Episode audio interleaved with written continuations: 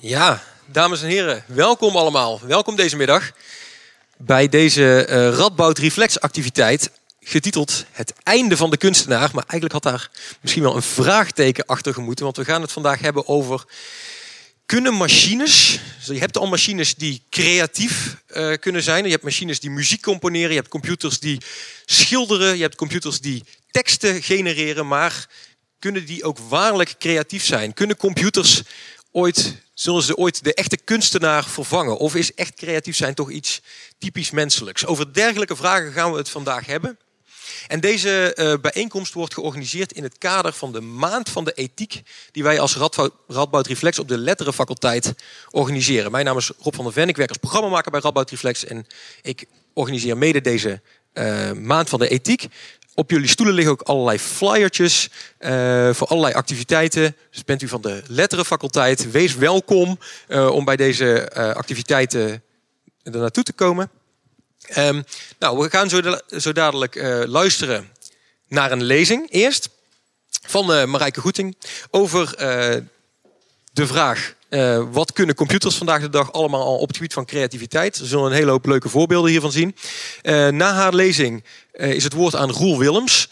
Roel Willems is medewerker aan de Radboud Universiteit, maar hij is ook de instantiator van het kunstwerk wat hiernaast opgesteld staat, getiteld Writers in the Cloud. Voor de mensen die het nog niet gezien hebben, ga het daar even kijken. Maar Roel zal daar ook even uitleggen wat het is, welke vragen het oproept en waarom het gemaakt is.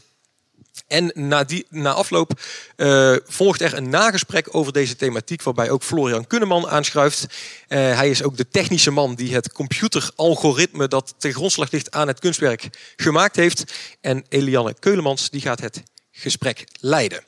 Nou, voordat we dit allemaal gaan zien, ga ik eerst jullie een filmpje laten zien uh, van een computerscript die zelfstandig een Rembrandt gemaakt heeft. En als dat filmpje afgelopen is, dan gaan we beginnen met de lezing van Marijke. Komt-ie.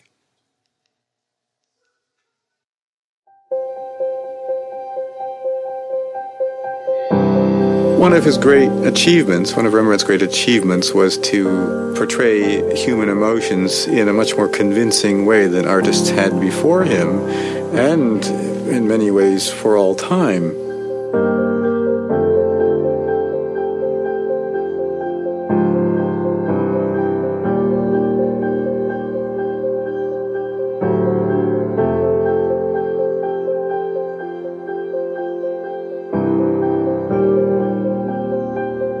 ING, we believe in the power of innovation, what it can mean to people. We want to bring this innovative spirit to our sponsorship of Dutch art and culture. We knew that for this challenge, we needed to team up with experts from various fields to make this come to life. We're using a lot of data to improve business life.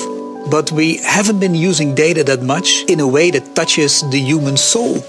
You could say that we use technology and data like Rembrandt used his paints and his brushes to create something new.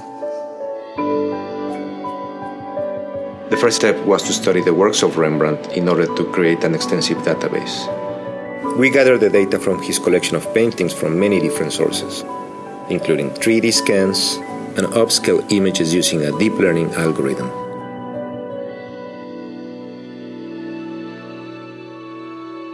Because a significant percentage of Rembrandt paintings were portraits, we analyzed the demography of the faces in these paintings, looking at factors like gender, age, and head direction.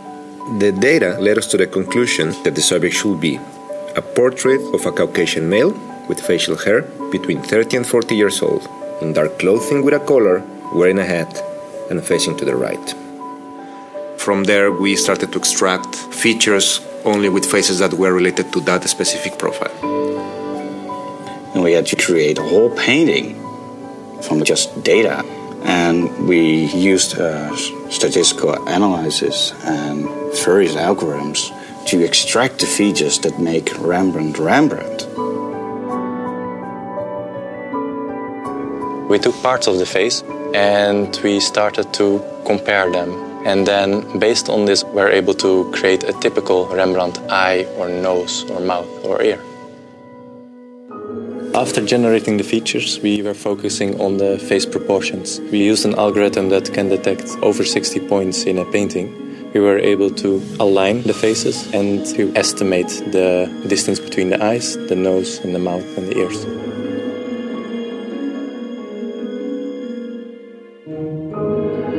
A painting is not a 2D picture. It's 3D. You can see the canvas, you can see the brushes, and that's what makes the painting come alive. A hive map is essential to make the painting a painting. We incorporated the height map into the painting and printed on a 3D printer that uses a special paint-based UV ink. It printed many layers, one on top of the other, which resulted in the height and texture of the final painting.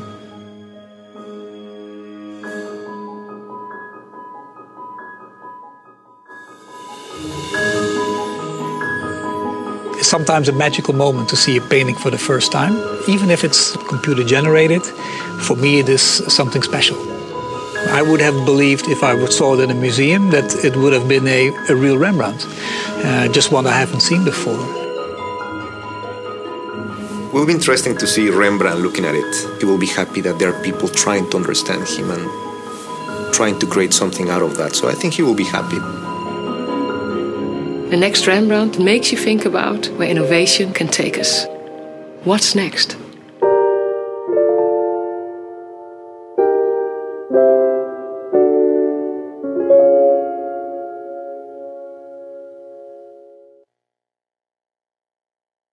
Nou hebben al een klein inzichtje in wat een computer dus kennelijk al kan. We gaan daar nog veel meer voorbeelden horen uh, van Marijke Goeting. Zij promoveert op de veranderende rol van grafische ontwerpers in de huidige tijd hier aan de Radboud Universiteit. En zij is ook docent aan de Arnhemse Kunstacademie op de afdelingen Graphic Design en Interaction Design. Maar ik geef nu het woord aan Marijke. Kunnen jullie mij horen? Ja, oké. Goed. De mens in de machine. Afgelopen jaren hebben computers zich in rap tempo ontwikkeld. Complexe algoritmes, neurale netwerken, deep learning en kunstmatige intelligentie markeren een nieuwe stap in de mogelijkheden van de computer. En deze innovatieve technologie, die gemodelleerd is naar het menselijk brein, weet in korte tijd grote vooruitgang te boeken en de mens op veel vlakken naar de kroon te steken. Zo versloeg het computerprogramma AlphaGo in 2016 een van 's werelds beste spelers in het zeer complexe Chinese bordspel Go. En dat was tien jaar eerder dan verwacht. Nu weet de computer ons niet alleen op strategisch vlak te evenaren. Ook op creatief gebied begint de computer een serieuze speler te worden. Dit project, Deep Art genaamd, is ontwikkeld door een aantal wetenschappers aan de universiteiten van Tübingen, Lausanne en Leuven. Het maakt gebruik van een algoritme dat geleerd heeft om de artistieke stijl van een kunstwerk los te koppelen van het onderwerp dat wordt afgebeeld. Vervolgens kan het, zoals de slogan op de website belooft, van iedere foto een kunstwerk maken. Met één druk op de knop, of preciezer drie knoppen, transformeert het programma jouw foto in een zelfportret in de stijl van Vincent van Gogh of Egon Schiele. En dit zijn nog brave uitkomsten, want de vreemdste combinaties zijn mogelijk. Wat vind je bijvoorbeeld van een portret van Leonardo, of van Leonardo da Vinci in de stijl van Matisse? Of een foto van Man Ray in de stijl van Jackson Pollock? Op de website van Deep Art kom je van alles tegen. En hoewel sommige resultaten best kunstig zijn, ontstijgen ze het niveau van de imitatie en kitsch vaak niet. Andere computerprogramma's zijn erop gericht niet alleen onze visuele kunst te imiteren, maar ook ons literaire talent. Neural Storyteller is een complex algoritme dat teksten schrijft, tussen aanhalingstekens, bij afbeeldingen. Via beeldherkenningssoftware identificeert het programma de belangrijkste elementen in het beeld. En vervolgens produceert het een bijbehorende tekst, gebaseerd op in dit geval een database met romantische novelles. Het resultaat is als volgt. We men were in a tense position at the end of the meeting. And I looked up at my best friend. Of course, I had no intention of letting him go. I don't know what else to say, but he's also the most beautiful man you ever meet. Los van de grammaticale fout op het einde is dit een van de meer succesvolle resultaten die de Neural Storyteller heeft geproduceerd, zowel op taalkundig als beeldend gebied. Vaker zijn de resultaten minder succesvol en juist heel vervreemdend, zoals deze. En je ziet, ja, je kan niet zo heel goed zien, maar het is een man met een soort doodshoofd. Het staat op een rots aan het water. A man is sitting on the edge of the water. I should see him begin to stand at the throat of the graveyard. And my love is like a stairway in his left arm and a piece of the stairs. And there's a girl in the doorway, and she and I am a good time. I want to see her, the best thing, with the footprints in the woods, and the candle shifts back to the shrine, and the last late sun, the sky, and the candle, and the noise of the snow. De vorige tekst is afkomstig van Word Camera, ontwikkeld door programmeur en kunstenaar Ross Goodwin. Word Camera is een kunstwerk dat vergelijkbaar met de Neural Storyteller uh, poëzie genereert bij beelden. De Word Camera is een fotocamera die na een druk op de knop uh, niet alleen een foto afdrukt, maar ook een bijbehorend gedicht print. De automatische schrijftool die Ross Goodwin ontwikkelde voor de Word Camera kwam goed van pas toen hij samen met filmregisseur Oscar Sharp meedeed aan een wedstrijd om in 48 uur een korte film te maken. Ze lieten de computer het script schrijven.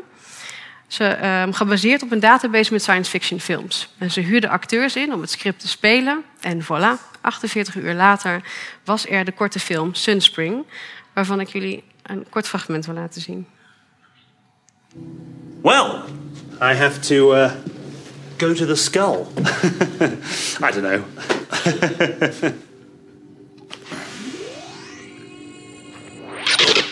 Ooh. What do you mean? Well, I, I don't know anything about any of this, so.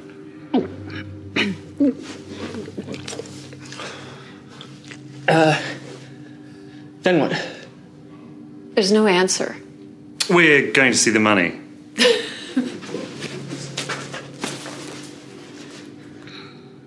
All right, you can't tell me that. Yeah, I was coming to that thing, you know, because you're so pretty.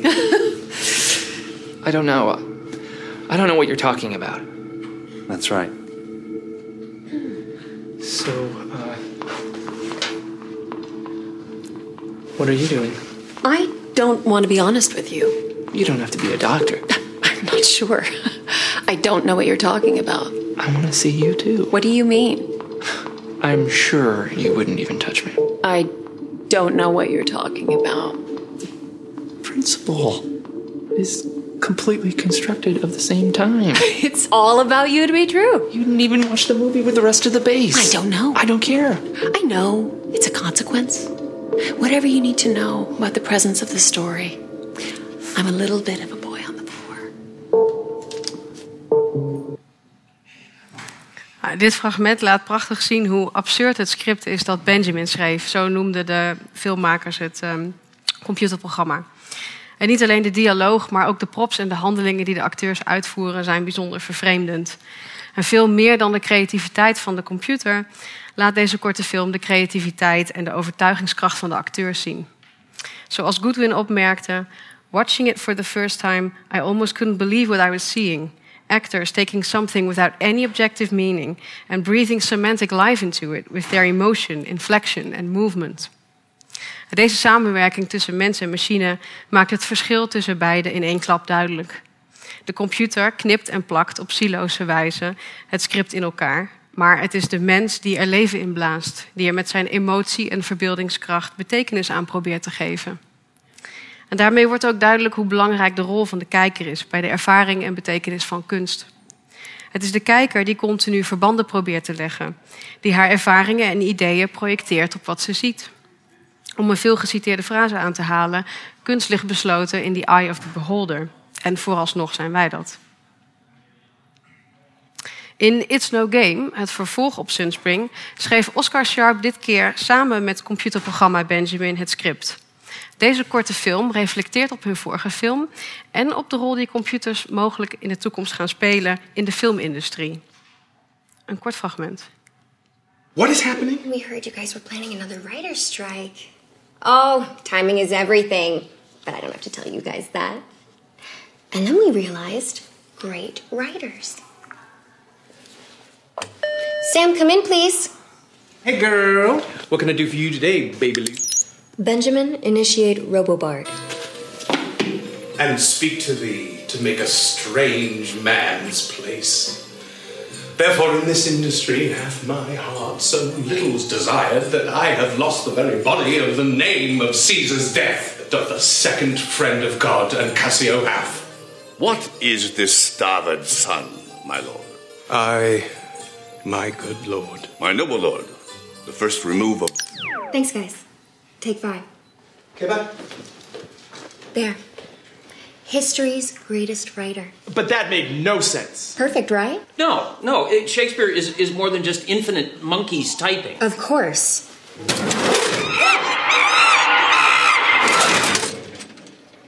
That's not how AI works. This is preposterous. I'm leaving. Golden Age Hollywood. I love you. Oh, I have so much to tell you. That's what I want. Nanotech. In the tea? You can't come with me, Sam. What a man. I was just thinking about you and me. You know what I mean. Oh no. I don't know what to say. Sorkinator. You think the president will get back? Yeah. Yeah, we can talk about that for a Why? while. I don't know. I just need to know why. I don't know what to do. You got a contract, right? I don't know what to say. Okay. Okay. Okay. Okay. I'm not drunk. So you see?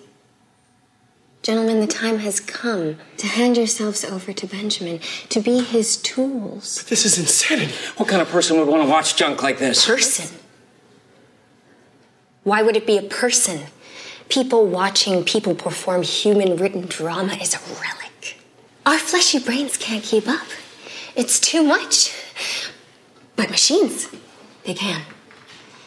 And they'll make it, and they'll watch it. And soon everyone will have devices track their every word and action, and will generate characters from them. Their tastes, their heartbreaks, voting preferences, pure custom drama that lives on their behalf. And then, oh, then, the ultimate joy to hand over our actual bodies, free at last from agonizing choice. Every movement perfectly mathematically choreographed. choreographed.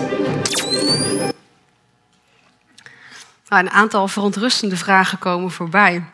Zijn er straks nog wel schrijvers nodig? Wordt de mens het gereedschap van de machine in plaats van andersom? En wat als de machine de rol van kijker overneemt? Dergelijke vragen roepen een duister toekomstscenario op. Ook de titel van deze bijeenkomst, Het einde van de kunstenaar, spreekt, boekdelen. Eh, wat als computers straks aan de touwtjes trekken en wij niets meer worden dan hulpeloze marionetten? Het volgende kunstwerk, een robotische performance van Louis-Philippe Demers en Bill Forn, verbeeldt misschien wel onze ergste angst. In deze door exoskeletten gestuurde choreografie is de mens niet veel meer dan een bewegend lichaam. Thank you.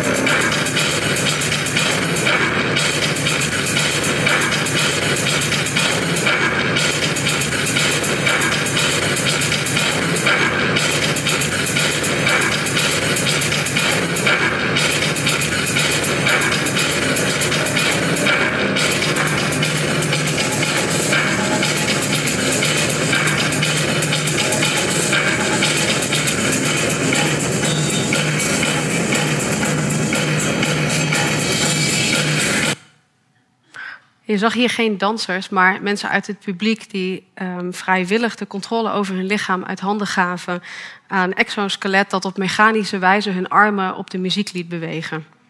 En niet voor niets heet het werk Inferno, een referentie naar de hel, en toont het een dystopische toekomst waarin de controle verschuift van mens naar machine. En deze angst is niet nieuw. Al sinds de oudheid is de mens gefascineerd door automata, schijnbaar zelfstandig handelende machines. De industriële revolutie heeft deze fascinatie in een stroomversnelling gebracht toen de eerste robots ook daadwerkelijk gebouwd konden worden. Deze au- automaton van Henri Maillardet kon begin 19e eeuw al zelf gedichten schrijven en tekeningen maken. In feite zijn onze hedendaagse algoritmes en deep learning neural networks geavanceerde vormen van automata. De fascinatie ontstaat door het loskoppelen van menselijke actie en robotische reactie, waardoor de objecten begeesterd lijken. Onze geschiedenis is gevuld met voorbeelden van menselijke creaties. Denk aan Frankenstein, Pinocchio, die tot leven komen om vervolgens uh, aan onze invloedssfeer te ontsnappen. Maar we moeten niet vergeten dat dit voortkomt uit het wens- of doemdenken van de mens. Je zou kunnen zeggen dat we lijden aan uh, goddelijke zelfoverschatting, die ons vervolgens paradoxaal genoeg lijkt te marginaliseren. Het uit handen geven van controle hoeft echter geen dystopie op te leveren. In dit werk van kunstenaar Dragan Ilic beweegt een robotarm het lichaam van de kunstenaar over het doek waarmee de kunstenaar tot menselijk penseel verwoordt.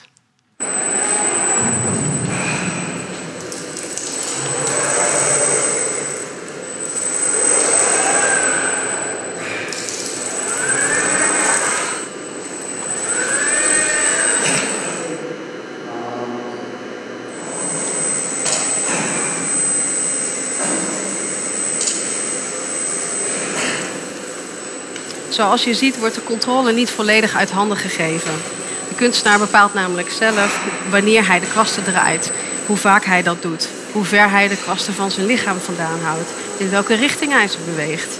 Als hij wil kan hij de kwasten ook optillen van het doek, waardoor hij de lijnen kan onderbreken. Hoewel het in dit werk lijkt alsof de machine, waarschijnlijk door de grootte van de robotarm ten opzichte van de mens, alle controle overneemt, is het feitelijk niets anders dan wat kunstenaars al decennia of misschien zelfs al eeuwenlang doen, namelijk gereedschap gebruiken om tot onvoorziene resultaten te komen. Denk aan het verfspatten van Jackson Pollock of het uitstrooien van krantenknipsels door de dadaïsten. Zoals Ross Goodwin schreef: When we teach our computers to write, The computers don't replace us any more than pianos replace pianists. In a certain way, they become our pens, and we become more than writers. We become writers of writers. De vraag is niet zozeer of, kunst, of computers kunstenaars zullen vervangen, maar hoe co computers het werk van kunstenaars zullen veranderen. Hoe ze de creativiteit van kunstenaars zullen vergroten en het palet van mogelijkheden uitbreiden. Dit computerprogramma kan verschillende handschriften en variaties binnen een handschrift genereren. En dat is knap. Maar net zoals DeepArt en de Neural Storyteller is het programma weinig meer dan een goede vervalser. Wanneer computers in staat zijn om een, schilder, een schilderstijl, een schrijfstijl of een handschrift te imiteren, dan leidt dat automatisch tot nieuwe vragen. De Japanse kunstenaar So Kano vroeg zich bijvoorbeeld af of hij een graffiti-robot kon maken die een tag kan spuiten die wel herkenbaar is als graffiti, als handschrift, maar zonder woorden of zelfs letters te gebruiken. Dus een vorm van schrijven zonder te schrijven. Dat de kunstenaar zich juist dit tot doel stelt, is niet vreemd. Want op het moment dat een machine uh, het handschrift van de mens accuraat kan imiteren, dan is dit als artistiek doel niet meer zo interessant. Kano zocht dus naar een nieuw handschrift. Een dat ons voorstellingsvermogen te boven gaat en een nieuw gebied tussen mens en machine markeert.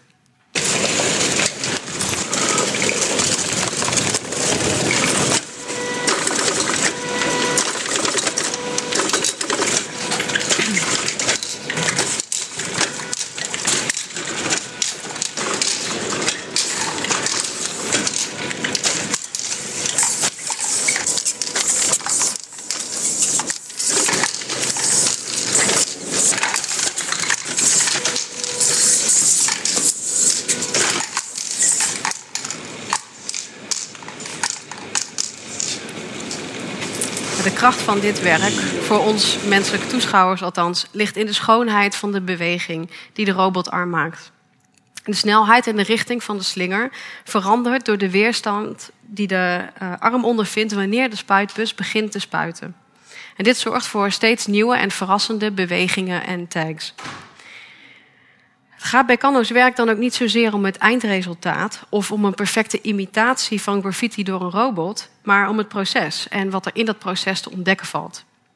Een Kano's niet bewuste, niet zintuigelijke robot produceert desondanks patronen die wij met onze zintuigen als dynamisch, tactiel en esthetisch ervaren. Maar schoonheid is slechts één van de criteria waarmee we kunst beoordelen. Wanneer we naar kunst kijken, speelt er een heel scala aan waardeoordelen mee. Denk aan techniek, materiaal, kleurgebruik, concept en innovatie. En die laatste twee criteria, uh, uh, innovatie en invloed, zijn gebruikt om een kunstmatige kunstcriticus te ontwikkelen. Neural Network Art Critic is een complex algoritme dat op basis van een visuele analyse van de westerse schilderkunst een selectie maakt van de meest innovatieve, invloedrijke kunstwerken. Opvallend genoeg, of eigenlijk zou ons dit helemaal niet moeten verbazen, komt de selectie die door de computer is gemaakt redelijk goed overeen met wat wij belangrijke momenten in de kunstgeschiedenis vinden. Met name Munch, Malevich en Mondriaan scoren hoog vanwege hun baanbrekende stilistische innovatie. Ook wist de computer uh, periodes, periodes van grote artistieke innovatie te identificeren die overeenkomen met de Renaissance, uh, laat 15e, begin 16e eeuw, en het modernisme, laat 19e, begin 20e eeuw. Dit algoritme markeert een belangrijke stap in de zoektocht computers kunst te laten maken. Om hierin te slagen, zo is de gedachte, is het niet alleen noodzakelijk dat de computer een artistieke, visuele of literaire stijl kan herkennen en reproduceren, maar ook dat de machine leert wat wij geslaagde kunst vinden. Nou, wanneer je dan de criteria van succesvolle kunst koppelt aan een database met de gehele westerse kunstgeschiedenis, een algoritme het geheel laat analyseren en op basis hiervan nieuwe werken laat produceren, dan krijg je wat het Creative Adversarial Network doet. En de werken die je hier ziet, zijn niet door de mens gemaakt, maar door een algoritme gegenereerd.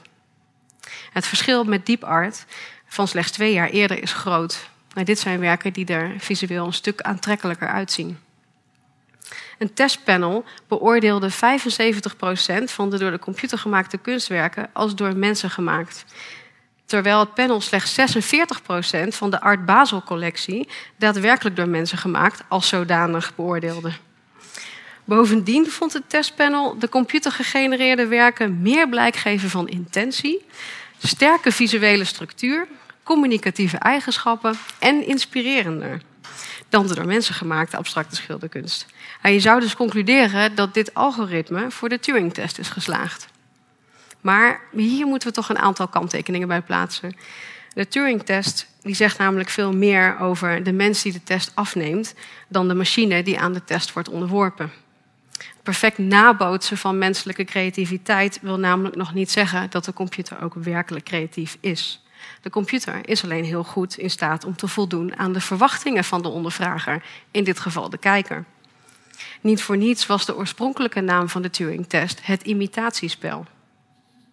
En daar komt bij dat we de neiging hebben om de technologie te antropomorfiseren.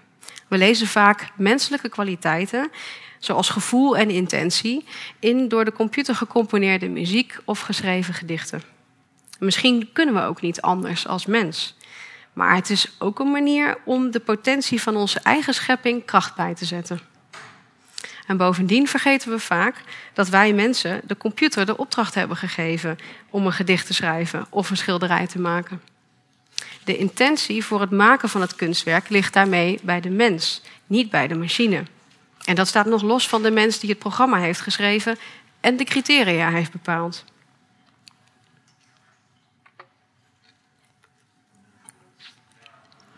In het hedendaagse debat over kunst en technologie moeten we ons niet alleen de vraag stellen wat kunst is, maar vooral wanneer iets kunst is. Dat wil zeggen, in verschillende tijdsperioden denken we anders over wat kunst is. En daarmee is de definitie van kunst tijdsgebonden en moet de vraag luiden: wat is hedendaagse actuele kunst? In andere woorden, wat is kunst nu? Met The Fear of Missing Out geeft de Zweedse kunstenaar Jonas Lund een schot, een schot voor de boeg. In plaats van zelf het hoofd te breken over hoe hij iets nieuws kan toevoegen aan de snel veranderende kunstwereld, heeft Lund een algoritme geschreven dat het werk voor hem doet. Hij voert een aantal gegevens in, zoals zijn leeftijd, de grootte van de ruimte waarin hij exposeert en de prijs die hij voor zijn werk wil. Vervolgens laat hij op basis van deze criteria het algoritme een database die door hemzelf is samengesteld met de meest succesvolle hedendaagse kunstenaars, galeries en curators analyseren. Het algoritme geeft hem vervolgens een titel de materialen waar het uit moet bestaan en de instructies waarmee Loen stap voor stap de beste kunst kan maken voor dat specifieke moment, voor die specifieke tentoonstellingsruimte. En met zijn algoritme probeert Loen niet echt succesvolle kunstwerken te maken, of althans niet zo direct. In plaats daarvan is zijn werk een reflectie op de tijd waarin we leven. De titel, The Fear of Missing Out, verwijst naar de onrust die sociale media creëren door meer informatie te genereren dan we kunnen bijhouden.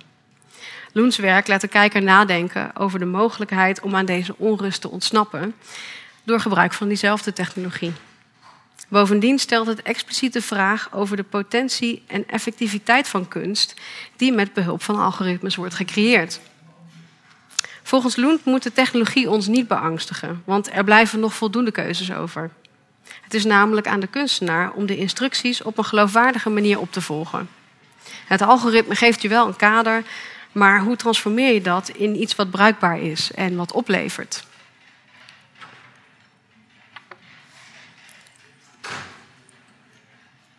Computers verminderen de menselijke creativiteit dus niet, maar stimuleren en prikkelen die juist. Ze zorgen ervoor dat we anders naar de wereld kijken. En vaak op onverwachte wijze. Dit beeld, dat de Frans-Amerikaanse kunstenaar Clement Valla op Google Earth vond, is de logische consequentie van de achterliggende techniek van Google Earth. Door satellietbeelden te mappen op een driedimensionaal terrein ontstaan er soms prachtige verstoringen. In onze ogen althans. Want een computer zal dit soort schoonheidsfoutjes er niet uithalen. Laat staan ze bewust creëren. Het is aan de kunstenaar met zijn gevoelige oog om onze wereld in beeld te brengen en ons met andere ogen naar onze hoogtechnologische wereld te laten kijken. In dit geval hoefde de kunstenaar er niet veel voor te doen. Alleen Google Earth afstruinen op zoek naar plekken waar de technologie onbedoeld pareltjes heeft achtergelaten. In de 21ste eeuw zal de technologie de grenzen van de kunst onherroepelijk opzoeken en verschuiven. Dit creëert een continu heen en weer tussen mens en technologie. Onze technologie imiteert wat we tot dan toe in de kunst hebben bereikt. Maar de mens zal die technologie op zijn beurt weer inzetten om nieuwe kunst te maken, die vervolgens weer het uitgangspunt vormt voor nieuwe technologie. Daarmee zijn mens en technologie fundamenteel met elkaar verweven. Technologie is niet alleen een extensie van de mens, maar ook een expressie van ons mens zijn. Het is dan ook niet zo relevant om ze als elkaars opponenten te zien. Want de mens zit in iedere spreekwoordelijke vezel van de machine. Ook al zien we dat niet altijd. Dankjewel.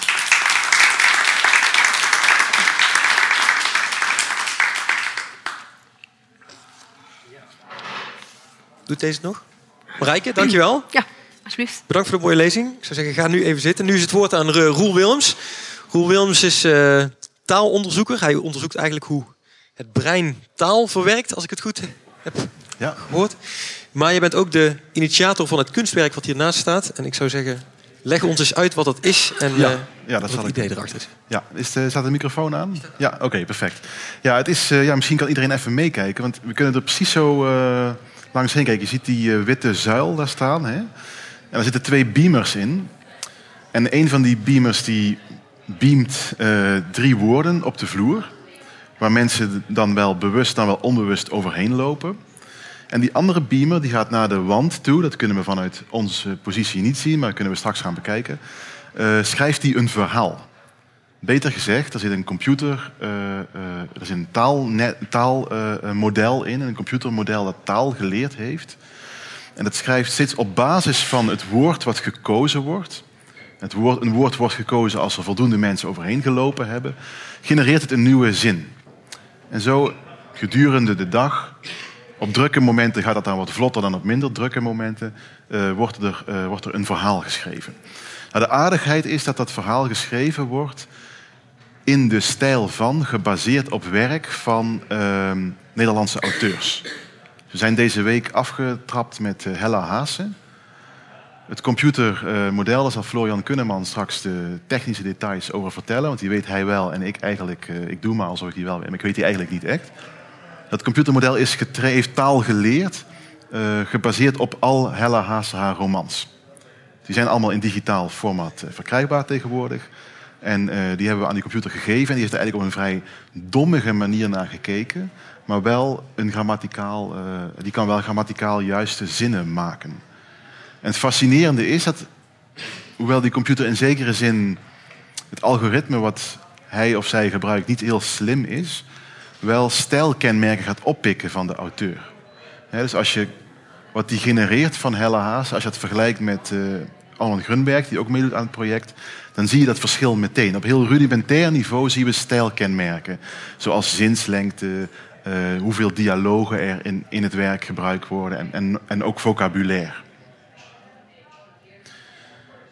Het doel van Writers in the Cloud, zo hebben we het genoemd. De, de, het Writers in the Cloud is een klein een beetje een grapje. Er is een soort technologische kant aan, eh, met een verwijzing naar cloud computing. Een beetje uh, losse associatie. En ook Writers in the Cloud, omdat dus een aantal van de auteurs die meedoen inmiddels overleden zijn. Er zijn zowel 19e eeuwers bij, maar ook bijvoorbeeld Helle Haase. Frans Kellendonk is ook een schrijver van wie de erven toestemming hebben gegeven om mee te mogen doen. Die al uh, geruime tijd overleden is. En dat, dat, dat roept een soort fascinatie op, tenminste bij ons, dat de vraag nou eigenlijk wordt: van wie is dit werk? Het is overduidelijk niet door de schrijver geschreven. In sommige, dat kan ook fysiek in dit geval, is dat onmogelijk bij een overleden schrijver. Maar het is ook overduidelijk omdat we meteen zien dat dit geen verhaal met kop en staart is. Wat, het, wat de computer soms doet, is een heel aardige zin, soms ook heel in zekere zin creatieve zinnen genereren. Um, maar hij kan geen verhaal maken waarvan je zegt: uh, dit boeit mij van begin tot einde. Is iets waar we het ook dadelijk in discussie misschien over kunnen hebben. Van uh, waar houdt die creativiteit uh, tot op dit moment althans op? Net met die filmscripts misschien ook zagen. dat, dat wilde ik daarover zeggen. Oh ja, maar van, van wie is dit werk? Nou, dat is kennelijk ook een juridisch mijnenveld. Uh, mij werd ook aangeraden door juristen om vooral toestemming te vragen bij uitgeverijen. Omdat dit, dit is iets wat vergelijkbaar is met het samplen van oude muziek door DJ's. Waarbij je dus. Je maakt iets nieuws, maar met ingrediënten van anderen. En dit, juridisch is het kennelijk heel moeilijk te plaatsen. Want dit model is getraind op werk waar auteurs auteursrechten op hebben. En wij maken daar wel iets nieuws van. Er is geen enkele zin die hier ge, gemaakt wordt, is ooit door Hella Haase zo uh, geschreven. Die kans is extreem uh, klein. Nou, we hebben het kunstwerk uh, gedaan om dit soort prikkelende vragen op te roepen. En die gaan ongetwijfeld vandaag langskomen. We hebben het ook gedaan omdat ik wilde laten zien dat, ehm, wat voor sommigen hier misschien gemeengoed zal zijn, maar voor veel mensen niet. Geesteswetenschappen, letteren, hoe je het ook wil noemen, in de huidige tijd. Um, klassieke geestwetenschappelijke thema's behandeld, zoals narrativiteit, literatuur, stijl. Dingen waar ik zelf ook erg in geïnteresseerd ben. En dat daar steeds meer technologie bij komt kijken. Uh, en dat, dat is een, een, combinatie die voor veel mensen, ook zeker buiten de universiteit, nog, nog ongewoon is. Voor mijzelf tot een paar jaar terug ook ongewoon was. En wel heel uh, uh, spannende ontwikkeling in de academische kant van het verhaal, zal ik maar zeggen, is. Dat is denk ik wat ik. Uh, ik heb ook nog een hoop dingen te vertellen over creativiteit, maar ik denk dat ik hier even bij laat. Dan uh, kunnen we het technische deel doen en daarna wat discussie misschien. Uh. Is dat akkoord? Ja. Ja? Oké, okay, goed. Even staan? Ja, oké, okay, goed. Dan, Florian, en... even kijken als jij hier wil gaan staan. dank jullie beiden, Marijke en, en Roel, voor de introductie in de verschillende soorten van samengaan van kunst en wetenschap. Um, ik ga eerst nog um, uh, Florian een vraag stellen. Jij bent eigenlijk degene die op de, vooral op de techniek daarachter uh, je hebt uh, gemanifesteerd. Hè? Kun jij een tipje van de sluier oplichten? Wat, wat is nou de, de grote technische vraag die jij hebt moeten oplossen om dit kunstwerk mogelijk te maken? Uh, ja, allereerst heb ik dit met collega's gedaan. Dus is je bent niet de enige? Mijn, uh, nee, zeker ja. niet. Um, maar eigenlijk zat er helemaal geen uh, uitdaging in. En dat is ook hey. wel het boeiende. Dat je met een vrij simpele en dommige methode, zoals Roel al terecht zei, al behoorlijk veel kan bereiken. als je bijvoorbeeld heel veel boeken hebt van deze week hebben we Helle Hazen, maar we krijgen ook Annie M. Schmid. en je leest gewoon dat taalgebruik in. Uh, op sequentieniveau, dus je kijkt welke woorden elkaar vaak opvolgen. Ja. Uh, dan leert de computer gewoon pure statistiek over uh, wat de kans is gegeven een woord, wat het volgende woord is. En gegeven twee woorden, wat het woord daarna is. Nou, dat leert hij, dus dat is de trainingfase. En dan kom je nu bij de uh, zinnengeneratiefase, die je op het scherm gaat zien. Uh, en dan begint hij gewoon met een woord. En dan kijkt hij, nou ja, welke woorden komen daar waarschijnlijk achteraan. Kies er eentje, lukraak, op basis van kansen. En zo gaat hij door totdat hij bij een woord komt die mogelijk het einde van de zin markeert. En that's it. Dus geen enkele semantische kennis komt erbij kijken. En toch zie je daar wel die stijl in terug. Dus dat is heel grappig om te zien. Ja. Eigenlijk heb je de computer ingezet als een, echt als een rekenmachine. Ja, ja. dat kun je zeker zeggen. Het ja. is een soort van domme kracht die een heel groot corpus aan teksten bij elkaar brengt. Ja, ja dat is wel een kern. Als je maar genoeg teksten ziet, dan komt uh, uh, de stijl van een auteur en de, de onderwerpen waar die auteur over schrijft, die komen dan wel goed terug. Ja. En dan is het vooral rekenen, inderdaad. Uh, nou, de, dan moet ik wel bijzeggen dat de neurale netwerken die uh, net genoemd zijn, natuurlijk, uh, dat is een andere methode die wel meer impliciete en intuïtieve kennis opdoet. Mhm. Mm -hmm. dus in ons geval is het nog wel vrij simpel, maar daardoor is het ook wel fijn dat je precies weet waarom bepaalde keuzes gemaakt worden door de computer. En dat beginnen we nu bij dat soort van kunstwerken, beginnen we steeds meer onze eigen menselijke intuïtie en interpretatie los te laten op het resultaat. Terwijl hier Ja. weet je gewoon van, ja, hij kijkt gewoon, dus gewoon statistiek. Ja. Ja. Valt me op dat jullie dit heel uitdrukkelijk een kunstproject noemen. En niet een wetenschappelijk project om te kijken hoe we dit soort teksten kunnen produceren. Waarom is dit een kunstproject in jullie ogen? En ik wil straks ook weten of jij dit ook een kunstproject vindt. Nou, in, voor ons was dit, eh, denk ik, meer kunst dan echt... eh, een, dat, omdat er geen wetenschappelijke vraag is die hier beantwoord wordt. Dat dit zou kunnen, dat, dat, dat, dat, dat, dat, dat hadden we wel verwacht. Dat hadden we ook wel kunnen... eh, Dus in die zin, zo, ik denk zoals Florian zegt, meer de technische kant is er... heeft geen echte... er is geen wetenschappelijke vraag en ten grond ook niks echt opgelost. Ehm, het is in die zin wel heel fascinerend, omdat het ons ook laat nadenken over een deel van bijvoorbeeld narrativiteit. Dat is dan mijn eigen Ja. eh, onderwerp. Eh, hoe lezen wij dat eigenlijk in een tekst die, waar de maker, dus eh, eh, literatuurwetenschappers geloven heel vaak dat het lezen van een roman een soort dialoog is hè, tussen schrijver en lezer. Nou ja, hier is de schrijver, als je, Hella Haas is hier eigenlijk niet de schrijver van. De schrijver heeft geen enkele intentie eigenlijk. Die, die, die, die, die, stort maar gewoon wat, wat zinnen over ons uit. Mhm. Ja, hoe werkt dat dan nog? Waarom is het dan toch dat ik het gevoel heb dat dialoog aan zou kunnen gaan? En is dat, is dat een, een artistieke vraag die je nu Tot in stelt? zekere zin wel. Ik denk eigenlijk waar je, waar je misschien naartoe wil en waar ik ook wel in geloof, is dat bij dit soort projecten begint die scheidslijn heel erg eh, eh, eh, onduidelijk te worden. Wat, wat, wat is nog puur wetenschappelijk, wat is een puur artistieke vraag? Ik denk dat we elkaar daar ergens in tegenkomen en soms zal het meer de ene kant optrekken. en Is het een belangrijke vraag om, om, om te weten of, dit kunst, of je dit kunst zou moeten noemen of niet? Ik, ik denk dat dit een kunstproject is. Ik vind zelf geen heel belangrijke vraag om dat eerst opgelost te hebben voordat we, hè, voordat we er eh, iets, iets mee zouden kunnen. Oké. Het is geen belangrijke vraag, maar ik stel hem toch even aan jou. Is dit in jouw ogen een kunstproject? Ja, ik denk het hangt er een beetje vanaf. Je hebt het over wat de wetenschappelijke vraag is die eraan ten grondslag ligt. Maar ik vraag me ook af wat dan de artistieke vraag is die eraan ten grondslag ligt. En ehm, ik denk dat het ook ehm, ervan afhangt van hoe het zich verhoudt tot andere ehm, kunstprojecten, het bestaande werk eh, dat hier eh, geciteerd wordt. En, eh, en ook een soort meerwaarde of een nieuwe kijk of iets wat daaruit resulteert. Dus ik denk dat dat soort elementen meespelen als je daarover nadenkt.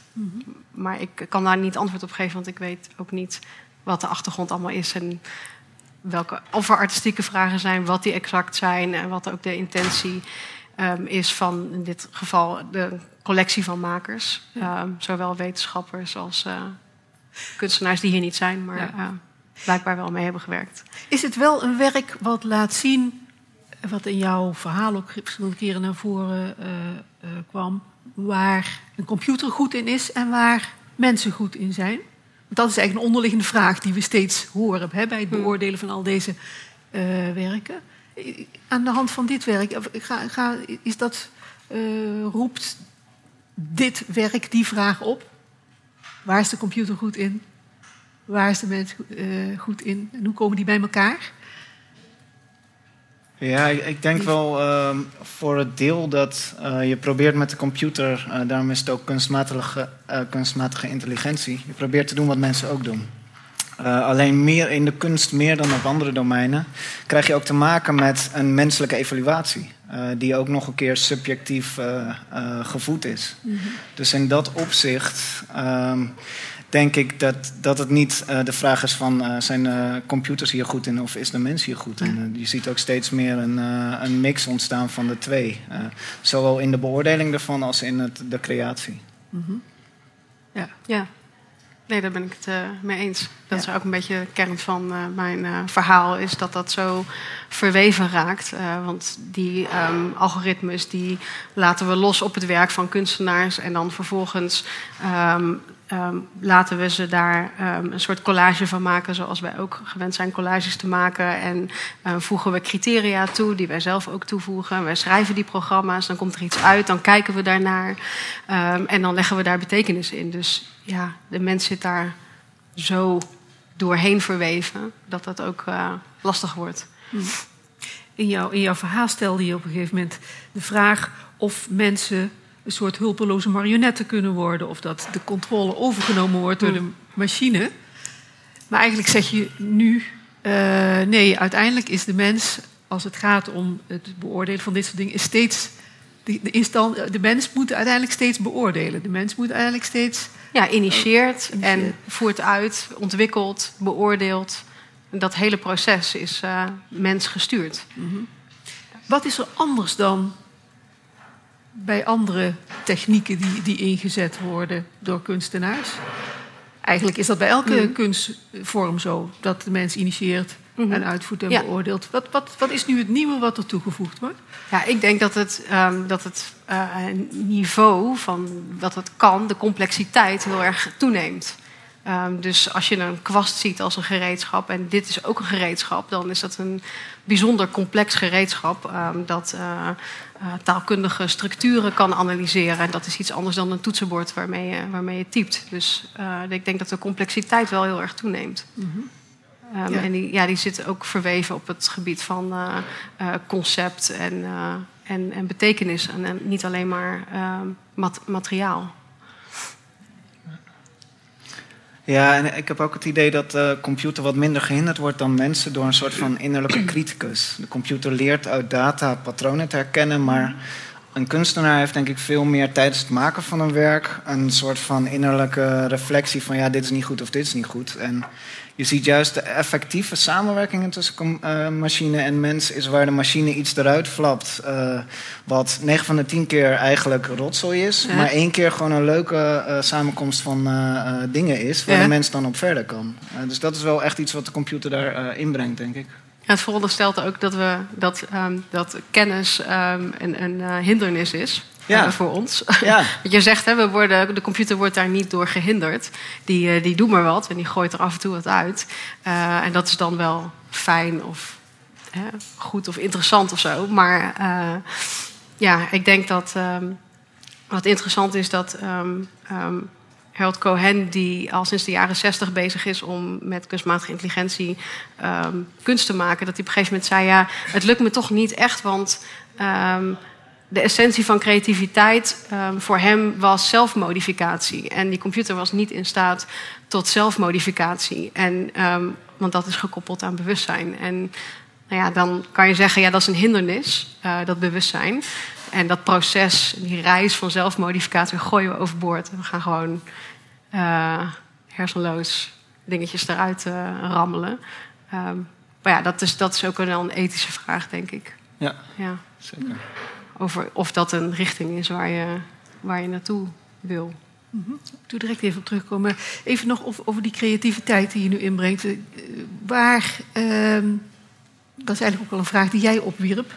Ehm, is de, kunnen, we, kunnen we computers, ehm, kunnen we van computers zeggen dat ze creatief zijn? Of Ja, dat is, creatief? ik, ben, ja, ik ben psycholoog, hè, dus en dat is, creativiteit is natuurlijk intelligentie. Daar kom je nooit echt uit. Als je dat gaat definiëren, dan, eh, ja, goed, dan kun je een paar weken, een paar jaar overheen laten gaan. Dat is, dat is heel erg lastig. Maar ik denk waar creativiteit in ieder geval iets mee te maken heeft, is eh, het onverwachte. Dus combinaties die, eh, of associaties die niet voor de hand liggen. En dan in de juiste bandbreedte. Want als ze te onverwacht zijn, dan haakt de, het grootste deel van de mensheid af.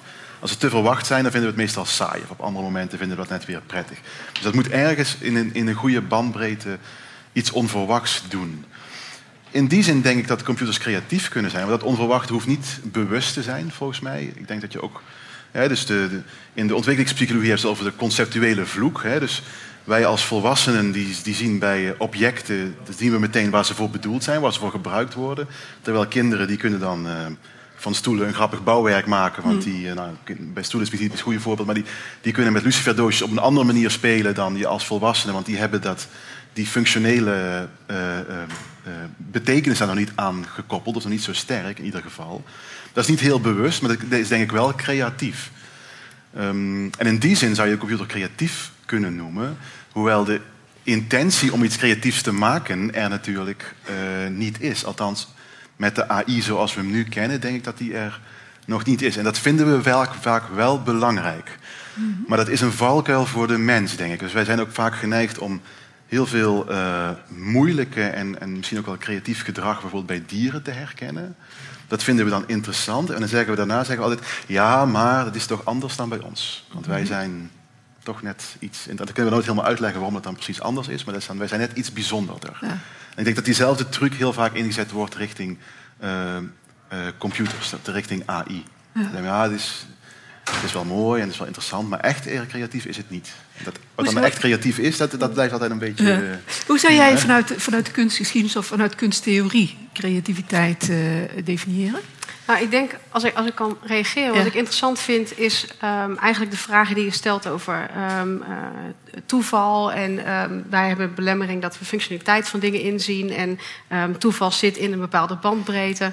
En ik denk dat een hele interessante artistieke vraag is hoe je dit soort kunstmatige intelligentie kan inzetten om daadwerkelijk werk te creëren dat dan ons dus ook verrast. Want wat je bijvoorbeeld ziet bij die Next Rembrandt... is dat er eigenlijk een heel saai gemiddelde wordt gegenereerd. En, Mm. en dat is waar, eh, waar we zien dat de technologie nu vaak voor wordt ingezet. En dan zeggen we, oh, het is zo creatief dat er een nieuwe Rembrandt is. Terwijl het eigenlijk een gemiddelde een samenvatting is van al zijn werk. En ehm, nou ja, ik denk als je daarover hebt... dan vind ik dat niet zo heel ehm, eh, creatief of artistiek. Eh, dus ik denk dat er nog heel veel te ontdekken valt wel eh, op het gebied wat jij net benoemt. Het is, wat daar vaak onder ligt, vind ik, is de, misvatting dat creativiteit iets is wat eh, ineens moet overkomen. Hè? Wat je dan ineens een ingeving of zo is. Dat, zal wel soms zo werken. Maar je hebt van die studies gehad, dan laat je een schoolklas kinderen zeggen, nou teken maar wat. En dan krijg je dus, eh, ja, als het 100 kinderen doen, dan krijg je 95 super saaie tekeningen die allemaal heel veel op elkaar lijken. Terwijl ze het, het, het, het verhaaltje wat, de, wat psychologie altijd zegt, van ja, wij hebben zoveel mogelijkheden, we kunnen met taal kunnen we alles doen wat we willen. En wat we elke dag doen, ja, is toch ongeveer hetzelfde gesprekje aanknopen. En Ja. Dus we, we maken eigenlijk heel beperkt gebruik, en dat, is ook, dat geeft heel veel stabiliteit aan ons leven. Dat is ook heel erg goed van de middelen die we zouden hebben. Dus creativiteit is iets wat, eh, dat is eigenlijk het punt wat ik wilde maken. En ik dat heel erg aansluit wat je wilde zeggen, is iets waar, waar wat begeleid moet worden, zo waar hard voor gewerkt moet worden. Ja, nee, mensen moeten dat ook leren. Daarom zijn er Ja. niet voor niets kunstacademies. En Ja. zijn er niet ja, voor Ja, er zal kunstenaars wiens werk voor het dat is. niet geldt natuurlijk, maar voor het gros van de mensen wel degelijk. Ja. Het is niet iets wat dan, wat dan zomaar uit het niks. eh, Ja, naar creativiteit is niet gewoon losgaan, maar het heeft ook Ja. iets gecultiveerd. Of daar, daar kun Ja. je in trainen, oefenen. En, Net zoals dat je een wetenschappelijke vraag hebt, heb je ook een artistieke vraag. Het is niet Mhm. gewoon een beetje eh, ja, rommelen in de vrije ruimte of een soort godgegeven inspiratie. maar als dat zo is, waarom kunnen we die computer dan niet toch creatief noemen? Want die, ik zou, kun je niet zeggen dat je die computer kunt, zo kunt programmeren dat die een heleboel dingen doet. eh, Mhm. die een soort gemiddelde vormen van de kunstgeschiedenis. En hem ook programmeren om iets heel anders te doen. Daarbij. Mhm. En dat noemen we dan creativiteit. Kan dat? Ja, ik, ik, ik, ik, voor mij hoeft eh, het label creatief niet voorbehouden te blijven aan eh, intentionele eh, creativiteit. Voor mij mag je een computer tot op zekere hoogte best creatief noemen. Net zoals, maar dat is, dat is dus het mijnenveld waar je dan instapt. Eh, voetballers worden ook wel eens creatief genoemd. Hè? De creatieve middenvelder, daar wil elke club er minstens twee van hebben. en dat betekent dat hij iets doet wat de tegenstander niet verwacht. Ja, dus meer is het niet, maar dat wordt dan wel in, in, in taalgebruik. Wordt een hele semantische discussie Ja. wordt dit. Hè? Die, die, eh, ja, waar, waar ik denk dat je moeilijk uitkomt. Maar voor mij mag het, eh, voor een computer in ieder geval. Ja. Voetballer weet ik niet zeker. Ja. Uh, ja, jij? ik, ik zie dat eh, technisch ook wel gebeuren, maar dat gaat dan wel lang duren. Want zoals je zegt, eh, een Rembrandt namaken is één ding. Eh, het, de computer is altijd afhankelijk van wat het gevoed krijgt aan voorbeelden. Eh, en in- als je inderdaad alleen maar Rembrandts geeft als voorbeelden, dan blijft hij in de hoek hangen. Ja. Eh, en creativiteit suggereert ook een soort van out-of-the-box eh, thinking. Eh, dus dat zou je dan inderdaad, daar is nog niet eh technische manier voor gevonden om, dat, om die twee met elkaar te kunnen koppelen. Dus een soort van creatief besef van oké, dit is allemaal al gedaan, ik moet iets totaal nieuws doen. Maar wat voor nieuws dan en wat, wat dan wel mooi is, Ja. daar, daar zijn we nog niet uit. Ja. Maar het feit dat wij die programma's schrijven, dat zegt niet Ja. meer over onze creativiteit dan? Want Ja, waarschijnlijk wel. Ja.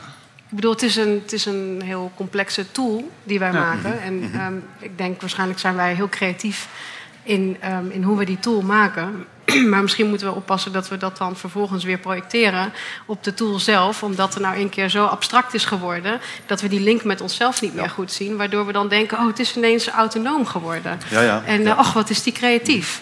Terwijl, ja, dat hebben we zelf eh, ingestopt. Ja, voor een deel wel en voor een deel niet. Hè? Want het is ook wel weer zo dat we kennelijk niet slim of geavanceerd genoeg zijn om, om te voorspellen wat de consequentie zal zijn. Omdat we niet zoveel data zelf kunnen verwerken als computers kunnen. Ja, ik denk het ja. Of In ieder geval dat Ja. iets dat wij tegen een grens aanlopen die, eh, die Mhm. door, door ons gemaakte machine weliswaar. eh, Ja, en de grote kracht in het algoritme ligt ook in die eh, impliciete kennis, die wij als mensen niet direct kunnen achterhalen van waarom maak je die beslissingen. Eh, Mhm. en, en dat is ook hoe wij mensen eigenlijk denken. Je weet van jezelf soms niet eens waarom je iets beslist. Eh, Mhm. en, en daarom zijn die machines die komen steeds meer op ons niveau, omdat ze die inherente kwaliteit ook krijgen op die manier. Ja, dat heeft ook te maken met hoe je mens, eh, de, mens, eh, naar de mens kijkt. Als je naar de mens kijkt als, eh, ehm, als een mens met een, met een ziel en een vrije wil, is dat heel wat anders dan als je de mens ziet als een verzameling algoritmes. Niet heel veel anders dan een computer. Ik bedoel, dat heeft ook te maken met de definitie van, eh, van de mens. En of dat dan lijkt op de computer of niet. Of dat het iets wezenlijk anders is. En ook Ja. dat staat ter discussie. Ja, Dus absoluut. dat is natuurlijk de vraag. Als we eindeloos veel, veel patronen kunnen herkennen in menselijk handelen, houden we dan nog iets over als een ziel of een. Ja, Ja. eh, grote vraag. In de psychologie hebben we dus heel lang gezegd, en ik, Of ben daar nog, nog steeds wel, eh, ik geloof dat nog steeds wel, dat wat die algoritmes kunnen, dat is knap, maar dat kan geen goed model zijn voor menselijk, voor menselijk leren. Want een kind dat leert bijvoorbeeld taal, dat is dan eh, toevallig mijn eh, interesse, maar het leert andere dingen veel sneller. Dus eh, met heel veel minder input dan Ja. wat Helle Haase geschreven heeft in haar Ja. leven. Laat staan de miljarden woorden die zij in zo'n model stoppen. Dus dat, dat was een beetje voor ons altijd de achterdeur waardoor wij konden zeggen... nou, indrukwekkend, interessant, zet ook wel tot denken... maar het kan geen goed model zijn voor menselijk leren. Want ja, bij ons... eh, eh, tegen hè, een baby die wordt tot hij een jaar is, wordt hij wat geroezemoes en boe boe ba ba. En dan begint hij ineens te praten. Ja. Beetje kort door de bocht gezegd, maar eh, niet, niet op deze statistische manier in ieder geval. Of niet alleen maar. Ja.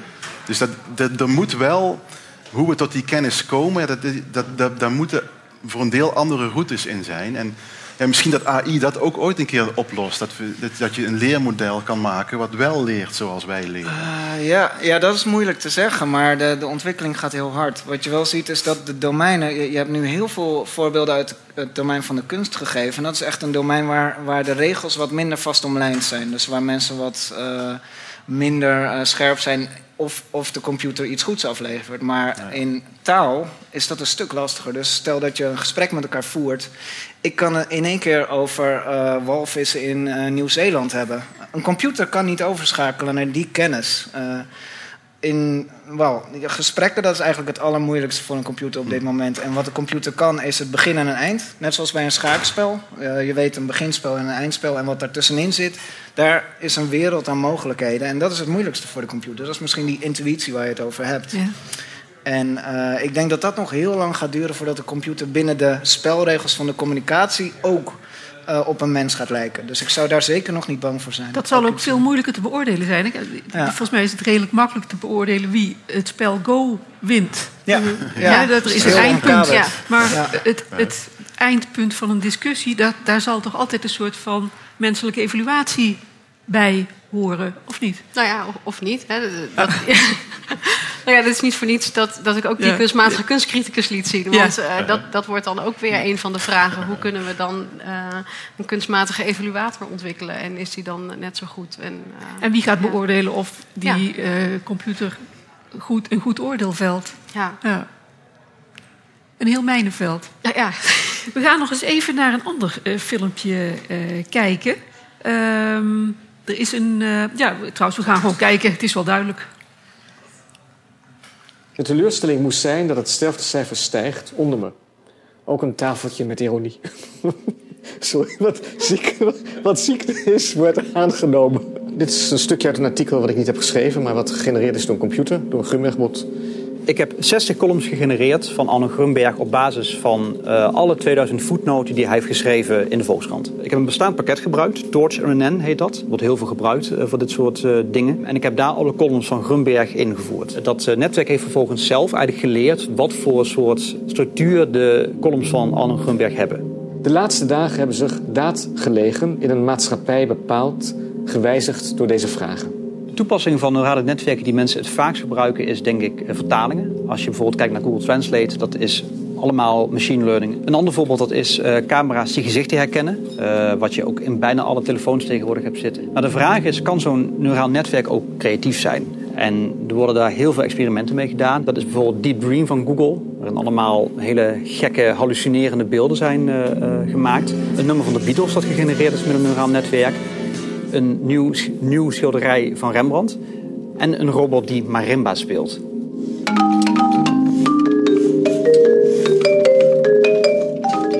Ik denk dat je ook als columnist of zelfs als romanschrijver rekening moet houden met de mogelijkheid dat je op een gegeven moment vervangen wordt door een computer. Het leek ons heel leuk om Arno Grunberg te vragen om te kijken eigenlijk van, nou ja, is een computer in staat om een, om een voetnoot te schrijven? Omdat hij A, een hele herkenbare stijl heeft. Zijn, zijn columns ook vrij kort zijn. Je merkt wel, computers hebben met hele lange teksten meer, eh, meer moeite. En we hebben er vrij veel. Nou ja, dat- dat we er vrij veel hebben is belangrijk. Want hoe meer je er hebt, hoe beter je een computer kan, eh, kan trainen. De verhalen zijn ingehaald voor deze boosheid. De kop over mijn moeder, ik kom laat thuis. Ik ben sceptisch over zeggelijke liefde. Voor nauwelijke seksualiteit. Ja, die is echt een beeld. Ja. Ja. Maar dit zijn, dus, ja, dit zijn dus zinnen die jij nooit hebt geschreven. Het gevaar is niet gelukt, vind ik een leuke zin. Die is wel goed. Maar volgens mij is dat ook het leuke ervan. Dat af, en toe, af en toe komt hij gewoon met leuke voorstellen. Het zou zo ook poëzie kunnen zijn, Ja. toch? Als je het een beetje goed verdeelt. Teleurstelling moest, moest zijn dat het sterftecijfer stijgt onder me. Ook een tafeltje met ironie. Ja, tafeltje met ironie, die is toch prachtig? Tafeltje met- Ja, dat is echt geweldig. Ja. Ja, dat had ik wel willen bedenken. Ja.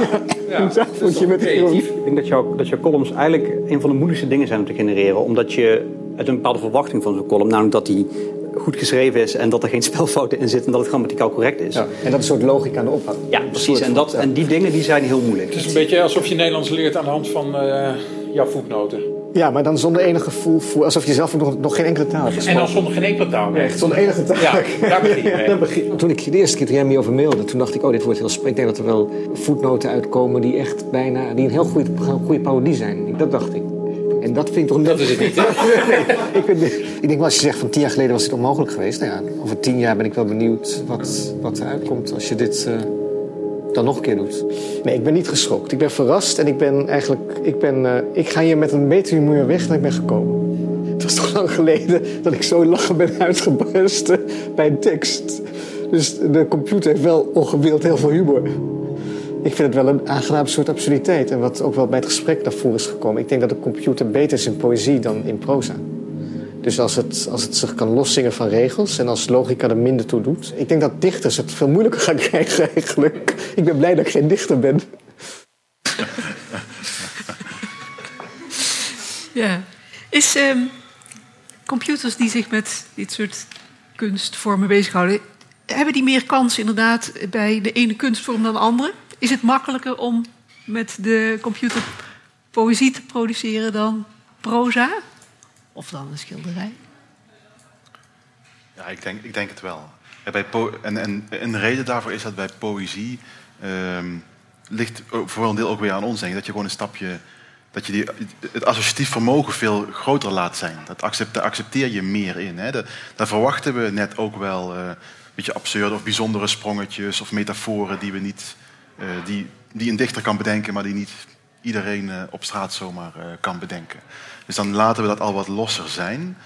Daarnaast, ja, heel praktisch gezien, is een, is een gedicht over het algemeen ook veel korter. Dus dan die ontsporing waar Florian het over had, ja, die, die, die, die, die treedt misschien in het gedicht wel op, maar die begint dan minder op te vallen. Ja. Ja, want hier, hier kan, je, kan een mens, een lezer, nog een heleboel interpreteren en invullen. Op dezelfde manier zoals de acteur in, de, eh, Ja. eh, in het toneelstuk eigenlijk ook voor een interpretatie zorgt van die tekst. Ja. Ja. Ja, ik- tegelijkertijd zou ik ook zeggen ja en nee. Want op het moment dat iets ehm, zeg maar losser is van regels, ehm, ehm, dan kan je zeggen dan slaagt het goed omdat wij meer kunnen invullen. Ja. Dus dan is het eerder geslaagd.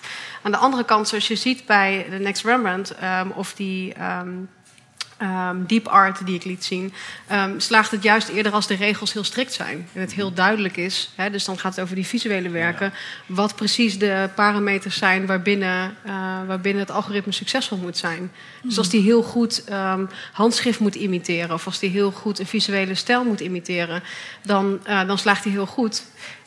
Daarin omdat het heel helder is wat de opdracht is. En, en ik denk ook de dataset heel eenduidig is.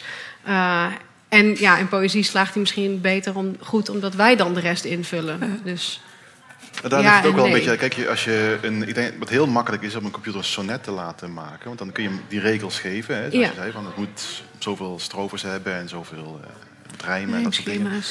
en dan kan je hem ook wel iets over betekenis zeggen. Ehm, dus dat is, dat is meer zo'n regelgebonden eh, uiting. Maar de meer associatieve, wat, wat we eigenlijk bij Grunberg dan ook, ook wel zien. ehm, dat komt denk ik meer, dat, dat, daar accepteren wij gewoon meer. Dat vinden we Mhm. misschien ook wel interessant. Totdat we op een gegeven moment zeggen, ja, dit is flauwekul. Mhm. Maar dat is, dat, dat is natuurlijk ook in popcultuur een, ja, een eeuwige...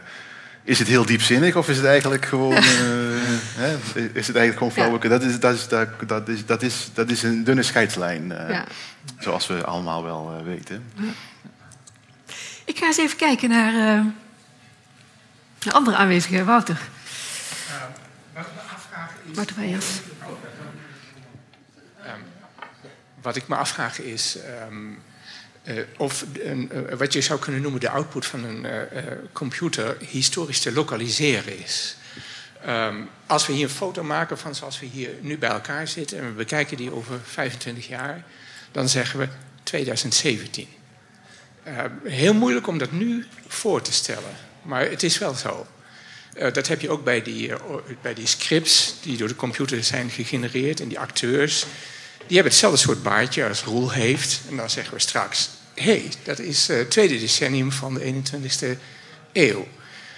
Ehm, als je bijvoorbeeld denkt aan de eh, vervalsing van Vermeer door Van Meegeren. eh, dat is niet zomaar een schilderij nageschilderd. Het heeft niet zomaar al, alle ingrediënten bij elkaar geharkt en daar een nieuw werk uitgemaakt. Die deed iets heel slims. Er was het idee dat er eh, vroege Vermeers zouden moeten zijn die we niet kenden. En Van Meeger heeft zo'n vroege Vermeer eh, is die gaan schilderen. Maar als je er nu naar kijkt, zie je een Vermeer uit, de, uit 1930, 40 en niet uit de 17e eeuw. Dus mijn vraag is eigenlijk, als we over eh, twintig jaar de Helle Hazen tekst lezen, lezen we dan een Helle Hazen uit eh, 2017? Hij, hij is helemaal gebaseerd op haar oeuvre. Dus in die zin, ja, hij is natuurlijk gecreëerd in 2017. Ehm, maar, weliswaar, maar wel helemaal met de input van wat zij ooit geschreven heeft. En dat zien we straks bij Multatuli, die zit er ook in. En uh, Couperus nog veel sterker. Ja, Dus, ja. wa- waarschijnlijk doe je ook met je vraag op eh, eh, de combinatie tussen aan de ene kant de, de artiest en aan de andere kant het algoritme dat met de artiest aan de haal gaat. Dus het zou inderdaad wel kunnen dat als we tien jaar later de state of the art loslaten op Helle Hazen, Oh, zo, ja, ja. dat er dan een eh, geheel herkenbare stijl uitkomt waar ook nog wel fouten in zitten, maar minder en een specifiek type creativiteit. Dat zou best wel kunnen. Maar dan zou het niet Helle Hazen zijn zoals zij zelf in Nee. 2017 Nee. zou hebben geschreven. Ja, ja. Dat, dat is natuurlijk het verschil. Ja, ja. Dus het blijft altijd eh, een Helle Hazen ehm, gedurende toen zij leefde. Ja. Dat is, hè, de, de ontwikkeling zelf gaat niet door. Ja. Dus het kan alleen complexe variaties maken in het nu, maar die wel gebonden zijn aan de tijd waarin zij zelf Ja. schreef. Ja. Het materiaal wat de computer gebruikt. Ook wel fascinerend is, dat we, slaan dit dan nu op, maar stel dat we dat niet zouden doen, dan vervliegt het ook. Hè? Dus dan die zin die gecreëerd wordt op dit moment, ja, die is dan dus uh, door de Helle Haase computermodel gemaakt. En daarna is die ook weer weg. Want de kans dat precies zo'nzelfde zin nog een keer gemaakt wordt, is extreem klein. Het is eigenlijk verwaarloosbaar klein. Dat vind ik zelf ook wel ergens een interessante gedachte. Van, het is net alsof het een soort gedachten zijn die komen en gaan. En wij recorden ze dan toevallig wel, moeten we nadenken wat we, wat we daarmee doen of, of kunnen doen. Um, maar voor hetzelfde geld zou je dat niet doen en dan is het gewoon vertrokken. Dat is natuurlijk wel echt anders dan het oorspronkelijke oeuvre, wat nog steeds onder ons is. Maar dat aspect is over tien jaar ook nog hetzelfde. Ik neem aan van wel, ja. Die vluchtigheid, dat, dat is. Dat, ja, ik, weet, ik, weet, ik kan niet precies de vinger opleggen, maar ik vind dat zelf wel iets fascinerends hebben. Dat je, mm -hmm. uh, dat je zegt van oké, okay, dit, is er nu en dat vervliegt ook weer. Dat, uh, dat, dat, dat heeft de, het model uitgespuugd en het model dat, dat dendert gewoon verder. Uh, dat, dat blijft niet onder ons. Mm -hmm. Tenzij ja. we daar actief iets aan doen. Ja, ja dat kunnen we natuurlijk heel ja. makkelijk wel doen, maar ja. ja. Ga gang. De collega komt met een microfoon. Een beetje een, een, een, een rare vraag. Uh, tot nu toe is uh, kunst uh, altijd door mensen gemaakt voor mensen. We zijn nu bezig met te kijken of computers kunst kunnen maken voor mensen. En ik, mijn vraag is, is het denkbaar, en het is een soort Turing-test, dat mensen kunst maken voor computers en computers kunst maken voor computers? Ja. Wanneer krijgt de computer nou eindelijk zijn eigen kunst? uh, ik, ik, denk wel dat het mogelijk is dat uh, mensen kunst gaan maken voor computers. Uh, omdat ik er toevallig één ken die dat gedaan heeft. Maar dat is meer een gedachte-experiment, denk ik. Um, in die film It's No Game dan zag je eigenlijk heel erg mooi die vraag. Hè? Wat nou als zo van mensen die kijken naar door mensen gemaakte kunst. Het is zo achterhaald. onze hersenen kunnen dat niet bijbenen. de toekomst is computers die kijken naar door computer gemaakte kunst, waarbij wij alleen maar het materiaal zijn dat gebruikt wordt. Nou, ik denk als dat zo zou zijn, dan zouden we het niet kunnen waarnemen. Dus ja. Meneer, heeft een aanvulling. Wacht, u, mijn collega komt daar aan. Gerend. Ja. Dank u wel. Ik geloof al dat computers kunst maken voor de mens. Uh, onlangs had ik een artikel gelezen dat een Scandinavisch onderzoek die naar de algoritmen had gekeken van de MRI-scans, fMRI-scans, wat wordt gebruikt voor neurologisch onderzoek, ja, dat eigenlijk door de algoritme een klein beetje te veranderen, dat ze foutmarges hebben tot 40% als ik me niet vergis. Dus veel onderzoeken die nu als waar worden beschouwd, is er een foutmarge van 40% die nooit ingecalculeerd was. Dus dat heeft men nu ontdekt. Ik vond het ook interessant dat u over de handtekeningen daar, over vervalsers van handtekeningen, dus de computer als vervalser, maar over de Rembrandt is het de Rembrandt uh, namaak. In plaats van eigenlijk is het de vervalser van een Rembrandt. Dus je, de computer daar maakte eigenlijk een vervalsing of een kopie van een vervalser, niet van Rembrandt. Zoals de vervalser van die handtekeningen daarmee aanvoelen. Sorry, nog heel even, nog een keer dus herhalen. Straks over, het verhaal begon over uh, dat de computer Rembrandt kan vervalsen. En als u het over de handtekening had, dan was het eigenlijk vervalsen. Dus dat is eigenlijk een vervalsing, de handtekening. Maar heeft u al eens ooit gedacht dat eigenlijk die computer, met al die printtechnieken en zo, eigenlijk de vervalser kopieert en niet Rembrandt? Doelstellen. Ja, ja maar dus wij zijn de, uh, dus nee, wij precies. zijn de vervalser. Precies, ja. ja? ja. Ja. En denk ik ook, uh, een interessante titel, uh, Het einde van de kunstenaar, maar eigenlijk is misschien wel het einde van de verbeelding dat hier een grote rol speelt. Um, dat, dat zou ik niet... nee? Nee, in welk opzicht? Wij gebruiken de computer om onze werkelijkheid te verbeelden zoals wij willen. En we laten het zo programmeren. Dus in de bewustzijn die we hebben. Hm.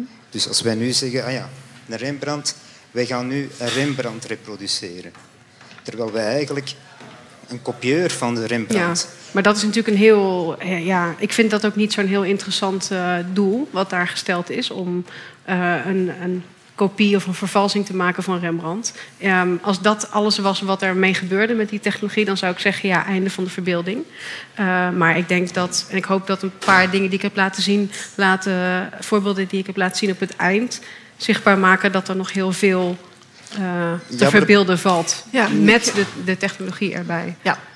Is eh, wat jullie betreft hier nog een aanvulling Ja, bij? Dan gaan kunst maken voor de computer veronderstelt natuurlijk ook dat ehm, de computer op de een of andere manier plezier aan zou kunnen beleven. Hè? En dat, Waarom? Dat, is voor, voor een deel voor ons ook wel het doel van de kunst. Hè? Dat, ofwel dat we het mooi vinden of ons fascineert, nou, hoe je het ook precies wil noemen. In ieder geval dat het iets bij ons oproept. En we weten ook dat dat eh, qua ja, biologische reactie heel veel lijkt op andere dingen waar we plezier aan hebben. Ehm, en ik, ik, ik kan me voorstellen dat een computer ook plezier kan beleven aan iets. Ik zit alleen te denken hoe dat, hoe dat dan eerst nog zou moeten ontstaan. Want waarom zou die computer anders eh, daar überhaupt interesse in hebben? Zeg maar. Hoe, hoe ziet Maar, het maar eruit? niet in alle kunst is plezierig, toch? Nee, oké, maar in ieder geval wel. Een, er is een esthetische waardering voor. Hè, de- die Maar kan niet ook, altijd. Niet, maar die kan, ook heel, op- hè, die kan ons ook heel erg tot denken stemmen of op dat, dat soort zaken. Of Ja, dat kan ook. In ieder geval iets wat. Dat is waar- misschien waar- makkelijker voor de computer dan. Waar we een soort reflectie op moeten hebben. Ja, misschien is dat wel makkelijker voor de computer. Ja. Je brengt eigenlijk intentionaliteit in als criterium voor kunst. Nou, dat weet moet ik niet. Maar ik zit wel te denken, wat, wat, zou, wat, zou de, wat zou de motivatie voor de computer zijn om te zeggen... eh, waarom hebben de, de, de soort die mij ooit eh, in het leven geroepen heeft... waarom heeft hij me nog geen kunst gegeven? Dat, dat, is, nou, eh, wat ik, dat is nou waar ik op zat te wachten. Ehm, Kom. zelf moeten maken voor de mensen. ja, ja, precies, ja. Ja, ja, ja. ja. uh-huh. Probeer ik... eh, Ja, kinderen voor kinderen, maar dan voor computers. Zo. Ja. ja, dat bedoel ik. En, en dan is de computer pas kunstenaar. Dus het, definieert begrip kunstenaar. Eh, die test. Een soort autonomie die er. Dan is de vraag, zou, zou de computer kunnen herkennen dat iets eh, kunstzinnig bedoeld is, zeg maar. Hè? Als analogie naar, de, eh, naar Turing, ja. Marcel Becker. Ja, een beetje een voorbeeld In diezelfde tijd dat Turing zijn test bedacht, had de filosoof Wittgenstein ook een leuk gedachte-experiment. Hij zei: Als je iemand een tekst laat voorlezen in een taal die hij niet beheerst, dan hoor je meteen dat hij die taal niet beheerst. Terwijl die, zijn uitspraak kan nog zo perfect zijn, maar, maar er is iets wat, wat mist. En dan moest ik aan het kunstwerk denken. En volgens mij gebeurt daar precies hetzelfde. Maar ja, zeg het als het niet zo is hoor. Maar, dus je reproduceert een taal eigen van iets zonder dat.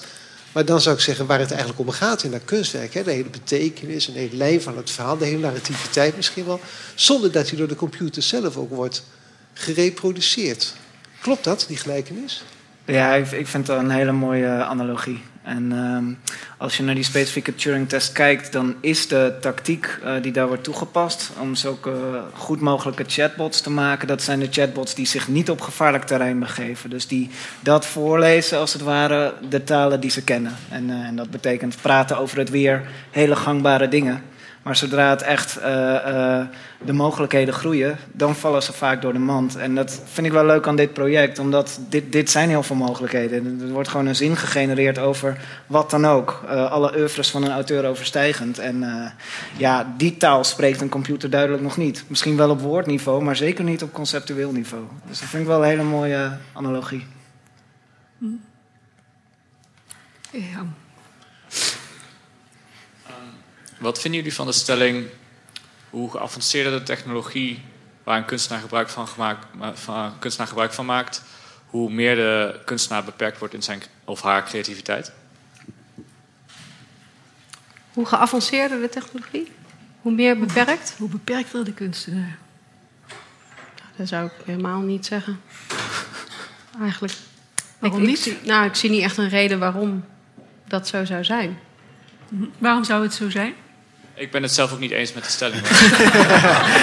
Is er iemand wel eens met de stelling? Ik denk als je een heel romantisch beeld hebt van de kunstenaar die erop uittrekt en hè, door, door, door een of andere hogere macht ingegeven wordt.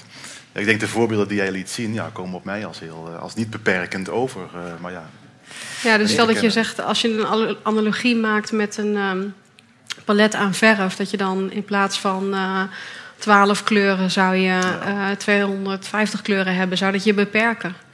Ik, nou, ik weet niet waarom. Zou dat een beperking zijn, die hoeveelheid extra kleuren? En, maar alleen is de verschijningsvorm niet veel technischer dan, dan dat. Maar ik zie dat niet uh, als een beperking. Hm. Er is uh, tijd voor een laatste vraag of opmerking. Of bijdrage. Mag ik uh, die stellen? Joen, ja. Ja, oké. Okay. Nou, ik, super interessant allemaal. maar mijn, even reagerend hierop. Ik denk dat een kunstenaar ook beperking nodig heeft om goed te presteren. Dus als je die weglaat, die beperking dat hij zeker beperkt wordt in zijn creativiteit. Oftewel, geef je iemand honderd instrumenten, die weet echt niet waar hij moet beginnen. Geef je hem één instrument, dan zoekt hij het eerste maar uit. En dan gaat hij iets moois maken. Dus mhm. in die zin denk ik dat het wel kan. Uh, ja, ik vind de, vraag, de, de eerste vraag in die zin wel zinvol. Dat het misschien herdefinieert wat, je, wat jou maakt als kunstenaar. Als uh, machines zich ook op dat uh, terrein gaan begeven, dan zijn kunstenaars, kan ik me voorstellen dat kunstenaars zijn: oké, maar wat heb ik dan nog in te brengen? en dat dat dan een herdefiniëring teweeg brengt. Misschien geen beperking, maar dat dat wel iets doet daar. Hmm. Dat denk ik wel. Ja, Moeten wij, om nog even het, de, de, titel van deze bijeenkomst eh, te hernemen, moeten wij op een of andere manier vrezen voor het einde van de kunstenaar? Nou, ik zou zeggen voorlopig niet. maar ja. nee, ik ben daar niet uh, bang voor nu. Nee, qua schrijvers ben ik er ook niet meteen. Ik denk dat bepaalde genres heel goed door een computer geschreven kunnen worden over een aantal jaren. Nu nog niet, maar over een aantal jaren wel. Um, het einde van de schrijver is er daarmee niet. Uh, nee, dat, denk ik, dat, nee dat, dat, dat, dat, zie ik ook niet zo voor me. Uh, als je nou vraagt, zet je er duizend euro op, dan weet ik ook niet of ik het zou doen. Maar het, het gaat wel heel erg hard allemaal. Ik denk gewoon dat de verschijningsvorm heel erg verandert. Dus wat wij nu um, verstaan onder een uh, goede schilder of een goede schrijver, dat dat heel erg gaat veranderen. Ja, ja. Dus ik denk dat dat wel anders wordt. Maar ik denk ook dat daar veel voor in de plaats komt wat we nu nog niet ons kunnen voorstellen. Dus ja. Ik denk niet dat we juist. afscheid moeten nemen van ja. de kunstenaar, maar ik denk wel dat hij van gedaante gaat veranderen. Eigenlijk zet je juist nieuwe impulsen voor creativiteit. Ja, ja. ja. ik sluit me daar volledig bij aan. En uh, ja, je zet er geen duizend euro op, maar ik, ik ben er niet bang voor. Nee, nee, nee. nee. nee er zijn heel veel science fiction films waarin de, de computer als een uh, apocalyps wordt voorgesteld. Maar dat is, uh, nou ja, dat is vooral entertaining, maar niet reëel. Dat zie ik niet gebeuren. We eindigen met heel goed nieuws. Het einde van de kunstenaar is niet nabij. Um, Rob, jij wil nog een slotwoord nou ja, spreken, hè? Dit was, ik wil jullie vooral alle vier heel erg bedanken voor het... Uh... Oh, sorry. Daar komt Sarah. Oh ja, een microfoon, dankjewel. Ik wil jullie ook allemaal heel erg bedanken voor het komen. Graag een hartelijk applaus voor de vier sprekers. Dank. En ik hoop jullie snel weer eens terug te zien bij een andere Radboud reflexactiviteit. Of wellicht iets tijdens de maand van de ethiek. Neem een foldertje mee. En uh, nou, hele fijne middag nog.